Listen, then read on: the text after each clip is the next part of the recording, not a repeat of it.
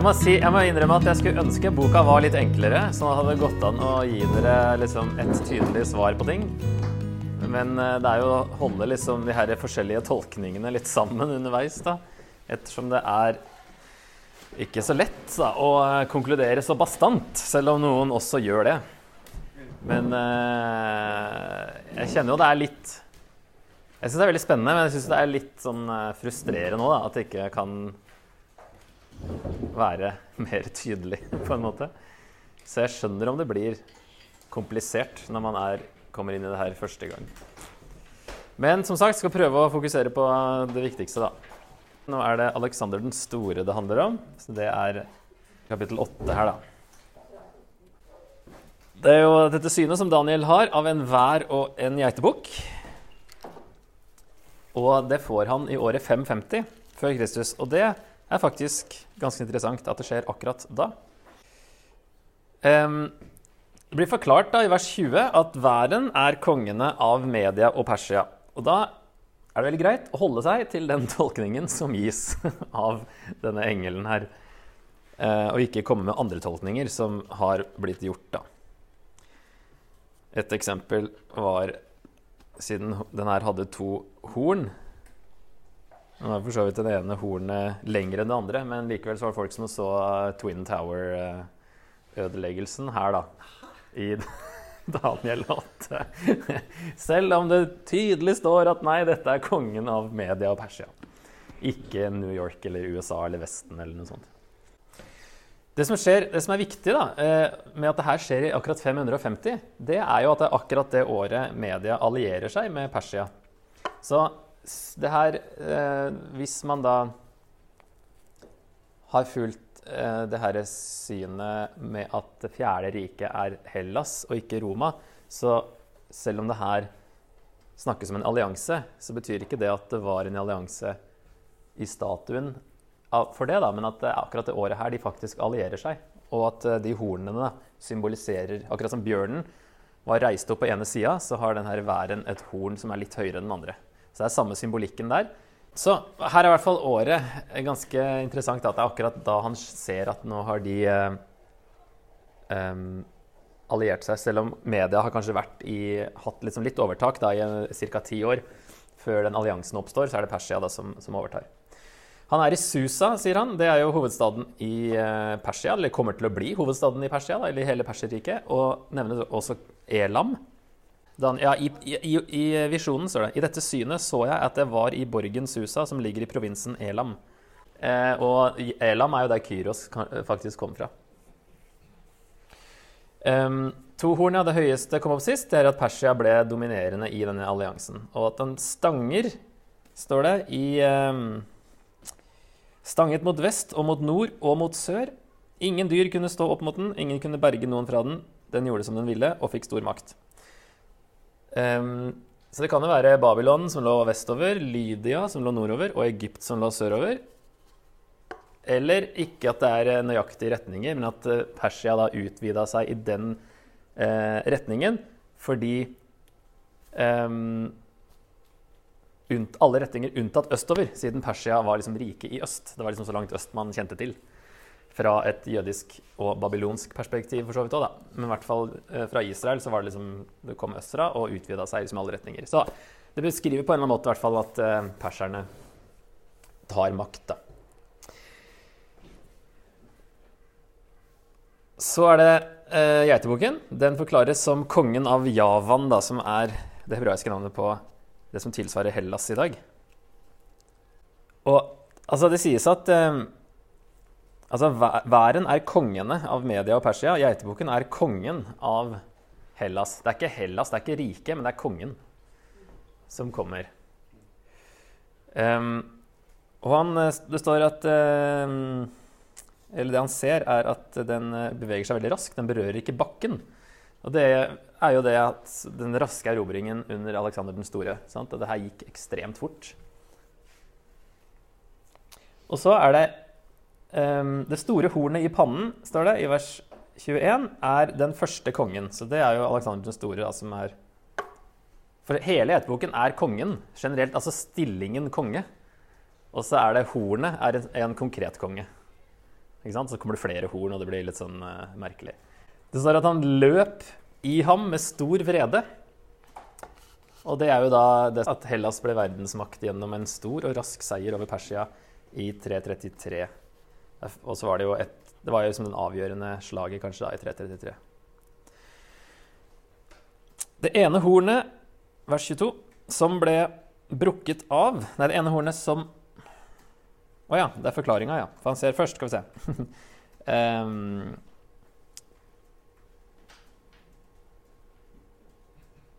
uh, uh, uh, Boken hadde et veldig horn i panne, står det i vers 5.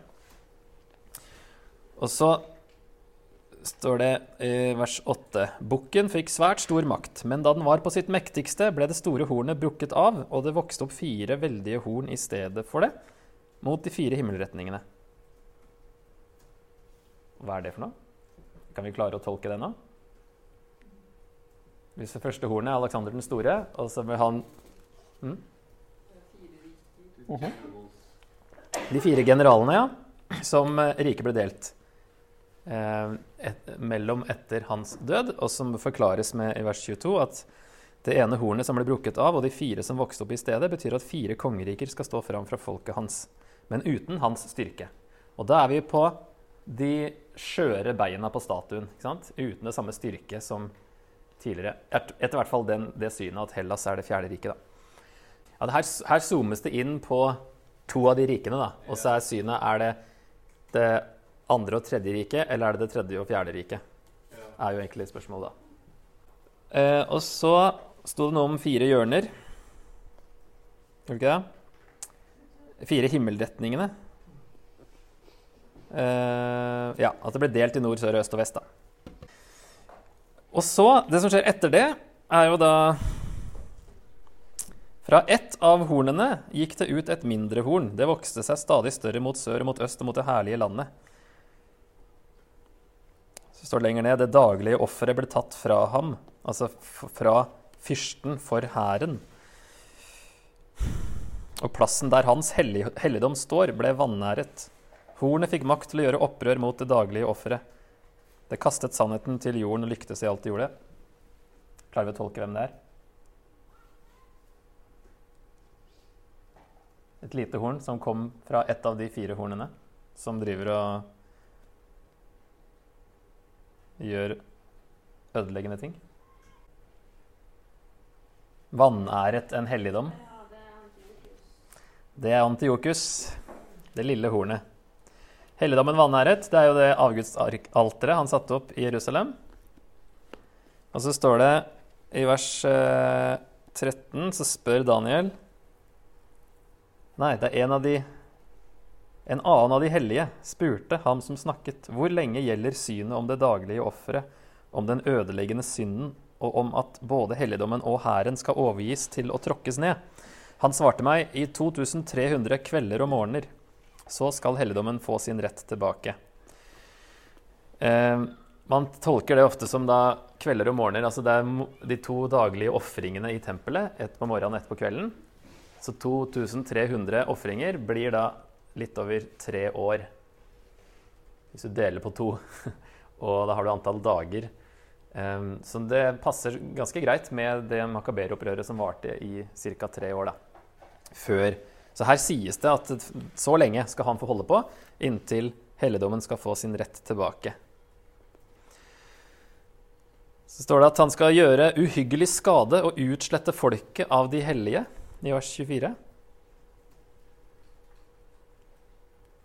Um, og han skal være stor i egne tanker, i vers 25. Han kalte seg sjøl for Epifanes.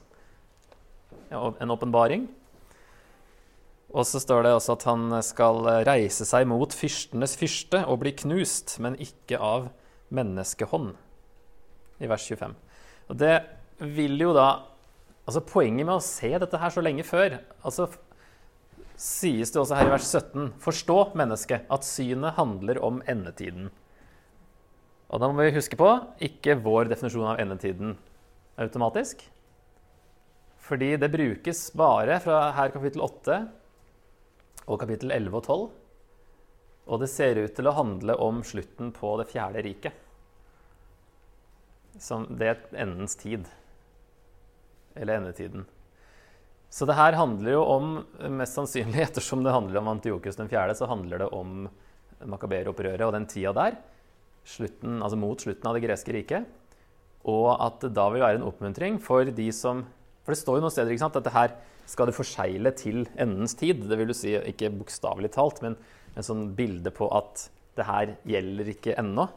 Men når folk begynte å skjønne at nå er de i den tida Nå har det vært en stor konge fra Javan, og det er blitt delt i fire. Og det, nå er det en av de etterkommerne en av de som, som driver og, og, forfølger oss og passer inn her. Så vil i hvert fall hovedoppmuntringen være at han skal bli knust, men ikke av menneskehånd. Altså Her skal det skje noe eh, unaturlig da, som skal stoppe han her til slutt. Og at Gud er fortsatt i kontroll. Det må jo være kanskje hovedoppmuntringen i alt dette her, å få vite det sånn på forhånd. Vite at det kommer vanskeligheter, men vite at Gud har fortsatt kontrollen. Og Guds rike kommer etter dette fjerde riket. Og Daniel hadde jo, Da han var ung, hadde han jo sett eh, at tempelet ble ødelagt i Jerusalem. ikke sant? Og så eh, ser han at noe av det samme skjer igjen med tempelet mange hundre år fram i tid. Så han må være litt Ja, det står jo at han var, eh, lå syk i flere dager. var full av undring og forsto det ikke. Så bare sånn her, Når vi endelig kommer tilbake, eller når vi kommer tilbake, bygger opp tempelet, så kommer det til å gå en stund, og så skal det bli ødelagt, eller vanæret igjen. da. Ikke totalt ødelagt, men i hvert fall at det Antiokus gjorde med å liksom profanere tempelet, som det heter. Og stakkars Daniel, som da ikke var klar over kanskje så dårlige nyheter, eller klar for det, når det nå endelig begynte å nærme seg slutten av eh, Eller det er midt i eksilet, da, men at han bare venter på at tempelet skal bli bygd opp igjen første gangen, og så skal det faktisk skje mer sånne ting utover. Så eh, hvis vi går tilbake til den her, og så har jeg da putta inn eh, væren og geitebukken der på Media Persia og det greske riket etter det første synet. Og etter det andre synet så er det Persia for så vidt i allianse da, med media fra 550. Og så blir geitebukken går over både det greske riket under Aleksander og etterpå når det er delt. Eh, ettersom det er kongen generelt. Det er ikke liksom bare en konkret konge, men det er kongen av de horna i, i, i, eh, panna på heteboken er jo da det gresk-syriske er ett av de hornene. Jeg skjønner at det er komplisert, så prøv å gi en oversikt. Så ja, altså der var den hetebukken Så forklares jo at det er den alliansen der. Så her kunne jo forstått stått Persia Media, da. Eh, men at det er væren, men fra 550. Her vil det være fra litt etterpå. Um, og så Selv om alliansen inngikk jo i 550, da. Og her i Geitebukken går over disse to. Samme som dyr fire. OK, det var det fra kapittel 8. Jeg tenkte bare gå videre til kapittel 9. Det er uh, Kapittel 9 er jo Uff, ja. Ikke noe lettere. det skjer i 539 før Kristus. Det er jo første året Darajos, sønn av Ahasveros, var konge. Han var av medisk ett og var blitt konge over Kalderriket. I det første regjeringsåret hans la jeg, Daniel, merke til i bøkene hvor mange år Jerusalem skulle ligge i ruiner ifølge Herrens ord til profeten Jeremia. Det var 70 år. Jeg vendte meg til Herren Gud for å søke ham med bønn og rop om nåde, for å faste i sekk og aske. Og så ber han ganske langt her da, før han får et svar, og så får han et svar som er litt kryptisk, og som har blitt tolka på mange forskjellige måter. Men han leser Jeremia, og vi har i hvert fall Jeremia 25 og ikke minst Jeremia 29, som i hvert fall han ville ha lest, ettersom det er det brevet som Jeremia skrev til folket som var i eksil i Babylon. Om han ikke hadde hele Jeremia-boka eh, ennå, så hadde han i hvert fall det brevet. Daniel. Og der i 29.10 så står det Så sier Herren, når 70 år er gått for Babel, skal jeg se til dere. Da skal jeg oppfylle mitt gode løfte for dere og føre dere tilbake til dette stedet. Her er det 70 år for Babel, dvs. Si når Babel har hatt, altså Babylon har hatt makta i 70 år. Og det er jo det han begynner å telle at oi, det er jo nå, fra 605, da, hvis det var da det liksom ble verdensmakt. Så begynner det å nærme seg de 70 åra veldig. Det er ikke det at Israel skulle være i eksil i 70 år, nødvendigvis, da, men at Babylon skulle ha makta i 70 år. Tempelet, da, det er ikke 70 år fra 586 til 539. I hvert fall. Ikke sant? Da er Fra tempelet blir ødelagt til de kommer tilbake, så er det jo ikke 70 år. Men det er ca. 70 år fra 586 til 516, da tempelet faktisk sto ferdig. Så det er 70 år at tempelet ligger nede. Men det er ikke 70 år at uh, Babylon Eller at Israel er i eksil. Vi kan skrive opp de tallene her, da. altså 605 til eh, 535, sånn cirka. 539, ikke sant? Det er bortimot 70 år, da. Det er at Babylon har makta. Og så er det 586 til 530, nei, 516, som ifølge Esra eh, er da tempelet blir gjenoppbygd og står ferdig. Det er jo også da 70 år. Men eksilet sånn vanligvis er jo vanligvis bare fra 586 til 539, og det er jo ikke 70 år. Hvis du regner fra den første der, så, så blir jo det samme som eh, cirka som når Babel har makta. Men det, Jeremias sier jo det for Babel. Han sier jo ikke for Israel i eksil, men 70 år for Babel, sier han. Ja, det gjør det. Ja, ja det blir 70 år. Ehm, så står det i 25.11 står det 11 og 12, ja. Hele dette landet skal bli til ruin og ørken, og disse folkeslagene skal gjøre slavearbeid for kongen av Babel i 70 år. Så når 70 år er gått, vil jeg straffe kongen av Babel og hele folket der for deres synd, sier Herren, og jeg vil straffe kaldeernes land, jeg gjør det til ørken for alltid. Så det er litt eh, Det er 70 år, men da er det jo ikke fra 586 til 539 i så fall. Men hele Babylons regjeringstid vil jo da på en måte sammenfalle med eh, tida Daniel er i eksilet, og altså fra de første eks eksilantene. Fordi de tok jo eh, Jerusalem med en gang de fikk makta over Egypt. Det står disse folkeslagene skal gjøre slavearbeid for kongen av Babel i 70 år. Eh, hva er det som refereres til disse Det er alle folkeslagene omkring. Det er mer enn Israel i Jeremia 25 også. Så det, det, peker nok litt mer i retning av at det er den tida Babylon har makta, og de gjør eh, slaver, slaver, av folkene, og også har folk i eksil da, i 70 år. Ok, det var bare en liten notis. Så ber Daniel fra vers 3 til 19, og han ber eh, om nåde. Han faster. Han, han, ber på vegne av folket og på vegne av eh, spesielt Vers 6.: Vi har ikke hørt på dine tjenere profetene som talte i ditt navn til kongene våre, stormennene og fedrene og til alt folket i landet. Han, han eh, tar på seg Han identifiserer seg med de dårlige lederne, som han på ingen måte er en av. Men han eh, ber på vegne av folket og på vegne av de som har Altså, vi har syndet, handlet ille, gjort urett, vært trassige og veket bort fra dine bud og dommer. Veldig sånn, Han går i forbønn for hele folket i eksil. da. Så han lister opp syndene. Han ber om eh, at Gud må tilgi, og at Gud må handle, og spesielt fokus da på å bygge opp igjen, få bygge opp igjen byen og tempelet. Eh, så kommer svaret fra vers 20. da. Eh, og For å oppsummere det kjapt, så virker det som om det er at selv om eksilet ender, så vil det ennå ta 70 uker før fullstendig utfrielse er skjedd.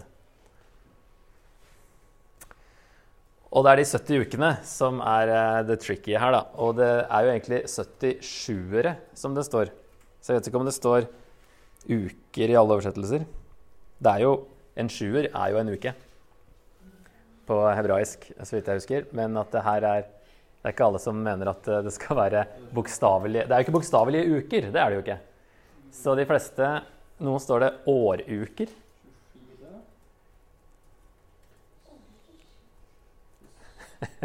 Det vil si at en uke står for et år, er det man tenker da. Så 490 år hvis det skal være uh, bokstavelig. Her er det um, Hvis det skal tas bokstavelig, da, så er det jo at man tenker OK, Daniel har snakka om 70 år, og så sier uh, denne engelen at 70 uker til. og så tenker man da at da står en uke for et for sju år. ja, det har i hvert fall vært veldig lang tradisjon for å tolke det sånn, og at man da har 490 år som ting skal skje på. Hvis Det er vanskelig å få det regnestykket til å gå opp, da, så det er ekstremt mange regnestykker på dette her. Og hvem er det det snakkes om når det kommer de punktene i vers 24? 70 uker er bestemt for ditt folk og din hellige by til å bringe ondskapen til ende, til å gjøre slutt på synden, til å sone skylden, til å føre fram en evig rettferd, til å stadfeste det profetene så, og salve det aller helligste. Ok, det her er jo vanlig og det, Vi får jo litt sånn Jesus-assosiasjoner. Litt, ikke sant? I hvert fall gjøre slutt på synden, sone skylden, evig rettferdighet. Stadfeste det profetene så, altså oppfylle profetene. Det er i hvert fall ting der som høres veldig Jesus ut. Så det er, um, det er på en måte si, enderesultatet han først får se. De 70 ukene, 77-erne, hva nå det er for noe, den perioden, så er det her enden. Selv om eksilet ender, så er ikke det enden. Fordi det skal gå en tid fram til det her. Når det her skjer, da har vi nådd fram til det vi skal. liksom. Og så kommer de neste versene, som på en måte er fire trinn mot dette enderesultatet. Og det er her det blir vanskelig, altså hvis vi prøver så godt vi kan her. Eh, du skal vite og forstå fra ordet gikk ut om at Jerusalem skal gjenreises og bygges opp igjen, og til det kommer en som er salvet, en fyrste, skal det gå sju uker. Og så ser jeg at både Bibelen Guds ord og Bibelen Ressurs fortsetter der setningen uten et komma, som det står her, at det er sju uker og 62 uker. Hvilket vers? 25. At det slås sammen der. Og det er også det som spiller inn på tolkningen, at man ikke er enig i hvordan det verset skal oversettes. Ja, Så der slår de sammen til 69 med en gang. Mens her er det da sju uker, og så i 62 uker skal byen stå gjenreist og gjenoppbygd med gater og vollgraver. Jeg vet ikke om det, det har noe å si for tolkningen, for det er så mange forskjellige tolkninger at jeg orker ikke å ta de. det har ikke så mye for seg, tror jeg. I starten så handla det alltid om Jesu første komme, men så begynte man å regne etter hvert, og ganske tidlig også, allerede i andre århundre, på Jesu andre komme. Og begynte å skulle regne ut det. da. Så det, det har vært eh, veldig mye forskjellig, og ingen er liksom helt overbevisende. Men hvis vi, hvis vi går etter, etter, oppsettet her i 2011, da, så er det da første som skal skje, er at etter sju uker så skal Jerusalem gjenreises, og en salvet kommer. Og da kan tolkningen der være eh, Kyros, som da kalles salvet i Jesaja 45,1, og som gjorde det mulig å gjenreise Jerusalem. Altså Første problemet er jo etter ordet. Når gikk ordet ut om at Jerusalem skal gjenreises? Er det det ordet som Jeremia har sagt i Jeremia 25 og Jeremia 29? Eller er det ordet fra Kyros om at det skal bygges opp igjen? Og så er det noen som sier at nei, det var ordet fra Artaserkses eh, senere. 400-tallet. Og så regner man Hele utgangspunktet er jo ikke satt. Når gikk ordet ut? Så derfor har man forskjellige regnestykker. Men i hvert fall en, eh, en tolkning er det, det her at uh, Kyros kan være denne salvede, kalles som sagt salvet. Eller det er øverstepresten Josva under byggingen, som kalles en salvet i Zakaria 4,14. Og det samme gjør Serubabel, som var tronarving, og da ikke konge, men guvernør, eller stattholder, under Persia, og som ledet byggingen. Begge de to kalles salvet. Hvis man slår sammen 7 og 62 og rett til 69, så kan man jo hoppe rett til Jesus som den salvede. ikke sant? Så det er en annen mulighet, da. Ehm, så neste som skjer, er at byen skal stå gjenreist i, 62 uker, men ha trengsler. I vers 25. Etter de 62 ukene skal den salvede ryddes av veien og bli borte.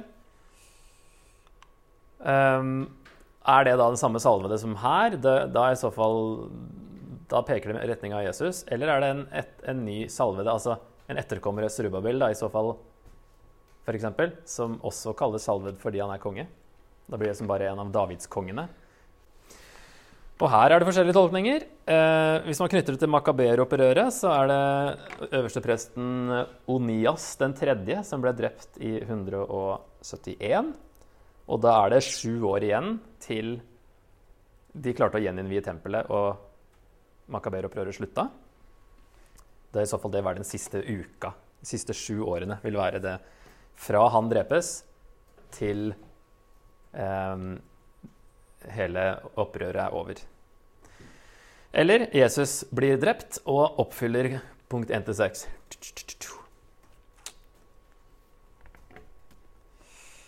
Og så er jo da uke 70, den siste uka, som er det siste som skal skje. At eh, Der står det i vers 26 uh, altså Først skal den salvede ryddes av veien og bli borte. Byen og helligdommen skal legges øde av hæren til en fyrste som kommer. Han skal ende sine dager i en flom. Ødeleggelsen som er fastsatt, skal vare til krigen er slutt. I en uke skal han stadfeste en pakt med de mange. Etter en halv uke gjør han slutt på slakteoffer og grødoffer. På motbydelighetens vinger kommer han som ødelegger, helt til utsettelsen som er fastsatt, strømmer ned over ødeleggeren selv. Ok, så som, For å oppsummere det som skal skje siste uka av de 70 her, så er at byen og helligdommen skal ødelegges, ofringene stanses, og så brukes dette uttrykket 'det motbydelige som ødelegger', som, som Jesus refererer til i Matteus 24 f.eks. Som Daniel har snakka om, sier han. Ok, Så da er det de sju årene som sagt, etter at han og Nias den tredje blir drept, til 164. Eh, da er det Antiokus den fjerde som stopper ofringene midt i denne siste uka. Og avgudsalteret settes opp. Det er det motbydelige som ødelegger.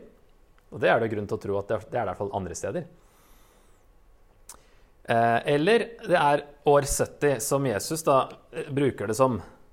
Og der mener Jesus at det her eh, peker i utgangspunktet fram til tempelet ble ødelagt i år 70 av romerne, eller bruker han det på nytt, på en måte? At noe lignende skal skje? Så det er jo litt sånn tvetydig, da. Men da er det i så fall romerne som stopper ofringene og som vanhelliger tempelet. Skjer mye av det samme som under Antiokus. Eller det er år 70, men det er Jesus som stadfester den nye pakt og ender ofringene ved å oppfylle dem. Etter, altså midt i uka, etter tre og en halv ca. års tjeneste. Og da er det da på en måte en halv uke til hans andre komme, men den uka har dratt ut noe voldsomt. Da Da er det ikke bokstavelig halv uke. Eller da er det ikke tre og et halvt år. I hvert fall på slutten. Så det er i hvert fall en Eller noen tolkninger her. Eh, som dere ser, ingen enighet om det, og det har blitt lagd ekstremt kompliserte tidslinjer med disse 70 ukene, og spesielt den siste uka av Daniel her, og kobla til Jesu gjenkomst. da. Um, så Josefus, altså jødiske historieskriveren, som begynte å Eller han tolka det i hvert fall som år 70. Sikkert en uh, B da på den siste her. Og det ble standard jødisk tolkning, og overtatt av kristne også, at det har med år 70 å gjøre. Så den er god gammel. Uh, en av de to siste der, da. Det, vi kan gjerne se Jesus her. Uh, så kanskje den siste er aller best. Ettersom Josefus ikke så så mye Jesus, kanskje, men Jesus bruker det her om år 70. Um, og at det da Messias måtte komme før tempelet ble ødelagt i år 70. Der har vi den begrunnelsen, som er standard jødisk tolkning, og som de da må OK, da må det Og de, de lurte på, liksom, når tempelet ble ødelagt, hvor ble det av Messias? Og så måtte de finne på nye grunner for at han ikke kom. Nei, får mye synd, eller et eller annet, et eller annet. et eller annet. Han har kommet, men vi ser han ikke. Ja, nemlig. Han kom på tidspunktet etter Daniel, men de aksepterte ikke han og måtte finne på alternative svar på at Jesus eller Messias ikke hadde kommet før år 70. Ganske interessant. Mm. Men for jødene i hvert fall så var det den standardtolkningen. Det her var år 70. Messias skulle komme før år 70. Og så kom han ikke. Hva gjør vi med det? Og da var et alternativ at det var eh, for mye synd. Eh, eller at de 3,5 halv tidene eller en halve uka, da, kommer i tillegg til de 70. Noen mente at det var århundrer, at det skulle være 350 år. Eller at han, Messias, var blitt født, eh, men var skjult og anonym. I stedet, I stedet, for at det kunne være Jesus. da. Det var det standard jødiske tolkningen, og de første kristne holdt seg til den. Og de, I Oldkirken, når de, vi har noen skrifter der det er dialog med jøder, Eh, om det er fiktive jøder, det er jo mulig, da. Men altså en sånn der, eh, apologetisk skrift mot jødene, og der brukes det argumentet i så å si alle sånne debatter med jøder fra oldtiden, oldkirken, av det vi har, i hvert fall, så er det Ja, det et, var et viktig argument. Eh, men før pausen, bare ta hovedpoenget. Jesus gjorde alt dette uansett. Om eh, det her eh, peker fram mot Jesus her, så gjorde han i hvert fall det. Eller kommer til å bringe all ondskapen fullstendig til ende.